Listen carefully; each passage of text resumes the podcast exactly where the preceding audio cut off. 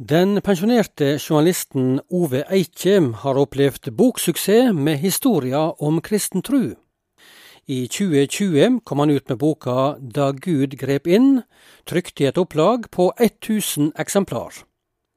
Halvannet år seinere har boksalget gått så bra at den har blitt eh, trykt i hele 12 000 eksemplar. I den siste utgåva, som kom nå i vår, forteller også Ove Eikje fra sitt eget liv. Jeg fikk han til å ta fram noen historier, annet ei dramatisk hending for fireåringen Ove, hjemme på gården i Tysvær i Rogaland.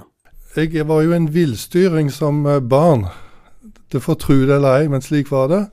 Og jeg gikk ofte og gjemte meg og fant på spillopper og en dag da far hadde sluppet inn sauene for kvelden, så åpna jeg døra slik at sauene kom ut igjen.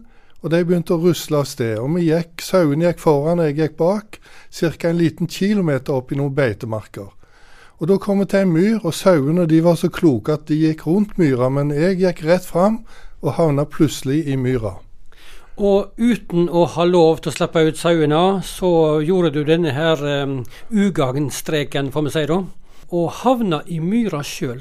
Ja, jeg gjorde det. Og det var veldig alvorlig. Du seig nedover? Jeg seig nedover. Og dess mer jeg prøvde å komme opp, dess mer sank jeg ned. Og til slutt så sto jeg helt til halsen i myra. Hva skjedde da?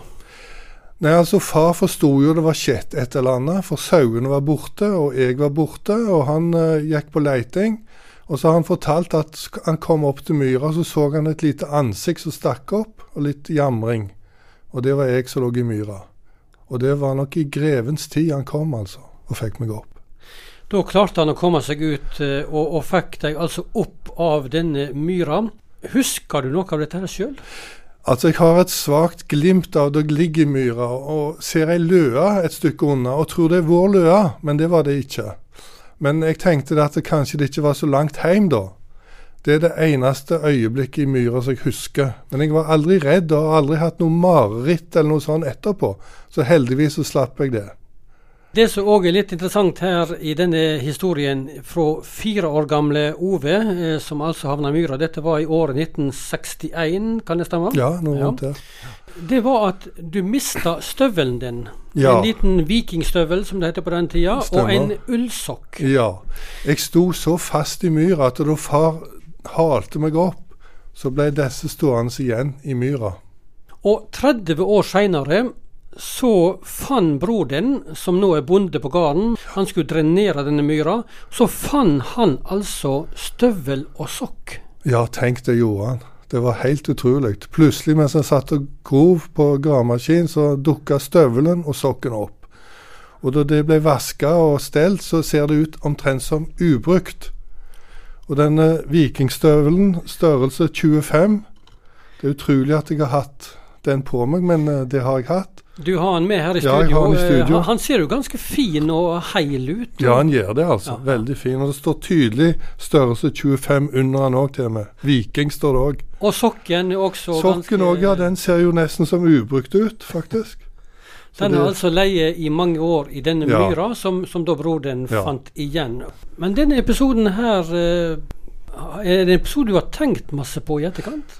Ja, jeg må si det, for jeg sier ofte at det, det står helt konkret om meg i Bibelen. Jaha. I Salme 40. Han dro meg opp av fordervelsens grunn, av den dype gjørmen, og han satte mine føtter på en klippe. Og jeg har ofte tenkt på dette, at jeg er på en måte berga ifra myra to ganger. Første gang her i denne myra, og så er det òg noe som er syndens myr, som vi blir dratt opp av, av Jesus, da han frelser oss. Og dess mer vi strever sjøl med å komme opp der, dess verre blir det, og dess mer synker vi ned. Så det har jeg ofte tenkt på. Jeg har brukt dette en del i andakter og taler. Dette med sokken og støvelen har jeg hatt med og vist fram, og fortalt denne beretningen ut fra Salme 40. Og det er ganske sterkt. Ove Eikje, pensjonert eh, journalist og forfatter. Du, Dette med kristen tru, hadde du det med fra barneår i heimen? Ja, jeg vil si jeg hadde det med. Jeg gikk på søndagsskole, jeg gikk på Yngres. Og, og hadde en bestefar som var veldig aktiv og be for oss. Men jeg hadde nok ikke noe personlig forhold. Men jeg fikk komme til Lundeneset som Ja. 17-åring. Ja, det var altså en kristen internatskole. Ja. Det heter Lundenes videregående i dag. Det er en skole som Misjonssambandet driver i Vindafjord kommune. Og der var det handelsskole på den tida, i Det var det, ja. 1974. Mm. Eh, Og der eh, puffa mor di til at du skulle reise der? Ja, blant annet hun, ja. Og jeg hadde ikke noe imot det sjøl heller, egentlig. Så det var, det var fantastisk å komme egentlig til Lundenes. Jeg hadde gått tre år på realskole før det og reist med buss tre mil hver vei til Haugesund. Så det å komme til Lundenes og bo på et internat var omtrent som å komme til himmelen, altså. Du, denne, denne tida på Lundenes eh, i, i eh, Ølensvåg i Vindafjord, hva fikk den bety for deg? Den fikk enorm betydning for meg. Den første høsten så opplevde vi en veldig sterk og gjennomgripende vekkelse. Torbjørn Torgersen, misjonæren, han kom og var i ukevis på skolen, og det var møte hver kveld, og mange ga seg over til Gud. Og En kveld så rusla også jeg inn i det som lærerrommet, som var liksom et sånt bønnerom med, med ettermøte, der vi kunne komme inn og, og søke hjelp. Og jeg husker jeg gikk inn dit en, en gang og, og tok imot, ville gjerne høre Jesus til. Hva var det som gjorde at du kom fram til det? Det var nok mye forkynnelsen. At vi fikk høre et klart budskap om synd og nåde, om fortapelse og evig liv, og at dette var noe som gjaldt oss personlig. Det var veldig viktig. Og Det som òg var fint, var å merke den omsorgen som lærerne på Lundeneset hadde for oss. Det, det var helt gripende. Jeg husker en gang så kom Torbjørn Torgersen bort til meg, og så spurte han hvordan jeg hadde det. For lærerne på skolen lurte litt på hvordan jeg sto i, i forhold til dette med evangeliet og Jesus. Og de hadde bønnemøter for oss og nevnte oss på navn før møtene i, i lærer- og personalflokken. Så jeg er veldig takknemlig for Lundeneset og det som den skolen har betydd for meg. Ove Eikje, du reiste videre til bibelskole i Oslo, Fjellhaug bibelskole, Ja, som. Misjonssambandet driver der inne. Eh, der var du ett års tid, og så begynte du som journalist i Ja. Misjonsbladet Utsyn. Men dette med å skjønne hva evangeliet var, og finne en slags visshet for trua di, det tok en del tid for deg. Ja, det gjorde det. Det gikk faktisk eh, en god stund. Og så var det en kveld jeg satt i eh, leiligheten min i Kirkeveien i Oslo og leste i Bibelen. Og Da leste jeg fra Jesaja 43, og så vers 24. Du har bare trettet meg med dine synder og voldt meg møye med dine misgjerninger. Og mens det slo ned i meg da jeg leste dette, det er jo sant. Det er slik jeg er. Jeg har egentlig ingen mulighet jeg, til å bli frelst, sånn som jeg er. For jeg har synder i tanker, ord og gjerninger. Og samme hvor mye jeg strever og sliter, så blir jeg ikke kvitt dette her, for det er en del av meg. Og jeg sa meg jo, jeg er fortapt. Det er ikke muligheter for meg. Heldigvis så leste jeg neste vers.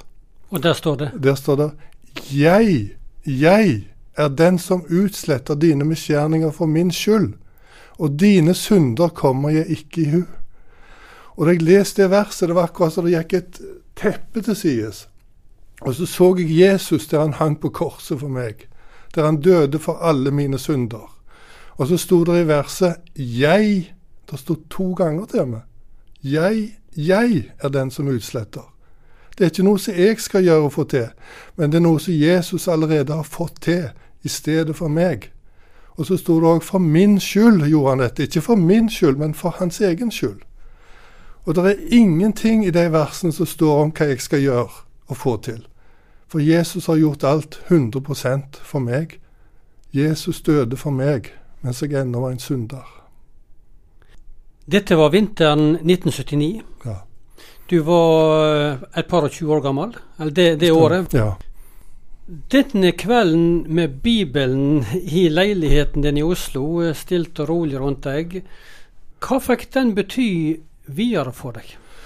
Altså Jeg husker etter at dette ble eh, åpenbart for meg, for det var Den hellige ånd som åpenbarte dette. Det var ikke noe som jeg kunne ta til meg sjøl, men det var noe som ble avslørt. Så jeg fikk se at Jesus døde for meg. Og jeg tenkte med meg at om vi kunne gå ut og rope dette ut over hele Oslos befolkning Ser dere ikke at Jesus døde for dere der han henger på korset? Det var så sterkt, altså. Og siden så ble dette en frigjøring i kristenlivet mitt. Jeg slapp å streve sjøl med å få det til. For det var en som hadde fått det til i stedet for meg. Og det var Jesus. Han hadde jo gjort alt. Han sier 'vær så god', og så skal jeg få lov å ta imot dette. Så det ble et før og et etter. Samtidig må jeg få legge til at uh, vi skal ikke leve og bygge på gamle minner. Men dette er noe som må bli levende for oss på ny og på ny at Jesus døde for oss, at det er noe som gjelder i dag. At det gjelder nå i denne stunden òg. Nå er du midt i 60-åra, det begynner å bli en del år siden dette her, eh, Ove Eikje. Men denne episoden, eh, den står tindrende klart for deg? Ja, den står veldig klart. Så det er jeg veldig takknemlig for at jeg fikk oppleve å se at Jesus døde for alle mine synder. Ove Eikje, pensjonert eh, journalist og forfatter. Du har skrevet boka 'Da Gud grep inn', der du òg i siste opplaget nå har med din egen trushistorie, som du har fortalt oss nå i uh, innslaget her.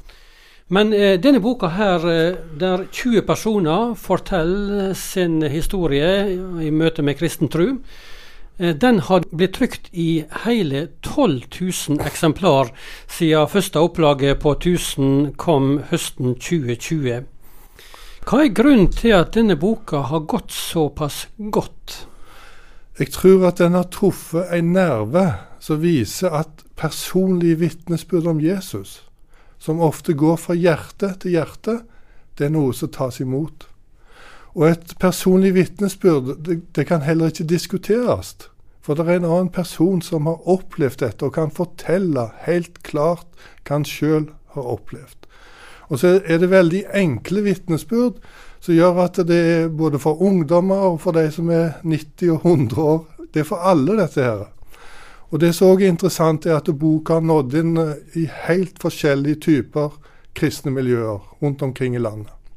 Nå er det 140 sider. Eh, ei liten, eh, kortfatta bok, som du sier. Eh, lett å lese.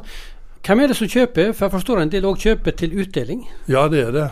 Og det, det, er jeg veldig glad for. For det var mitt ønske og min bønn at dette kunne bli ei bok til evangelisering. Det er folk som kanskje har vanskelig for å fortelle andre om Jesus, som gjerne vil nå inn med et vitnesbyrd. Og så sier de 'vær så god, her er ei bok'. Så kan de lese sjøl. Så kan de sitte i stua si 'ingen andre ser de', og så leser de den boka. Og jeg har opplevd flere ganger at folk har kjøpt ei og to bøker først, og så plutselig så ringer de tilbake til noen uker. Vi må ha 15, vi må ha 20 bøker. Og jeg husker ei kvinne langt nord i landet som sa det at nå skal jeg dele ut 20 bøker her i byen min. Og Da får jeg evangelisert for 20 mennesker om Jesus. Så det er jeg veldig glad for skjer.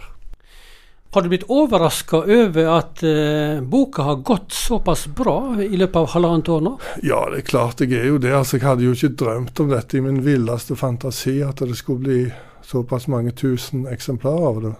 Så vi var jo veldig i tvil første opplag om vi skulle driste oss til å prøve 1000 stykker, altså. Men siden så er det nå gått i seks opplag. og og jeg må si jeg er overraska, men jeg er veldig dypt takknemlig for dette.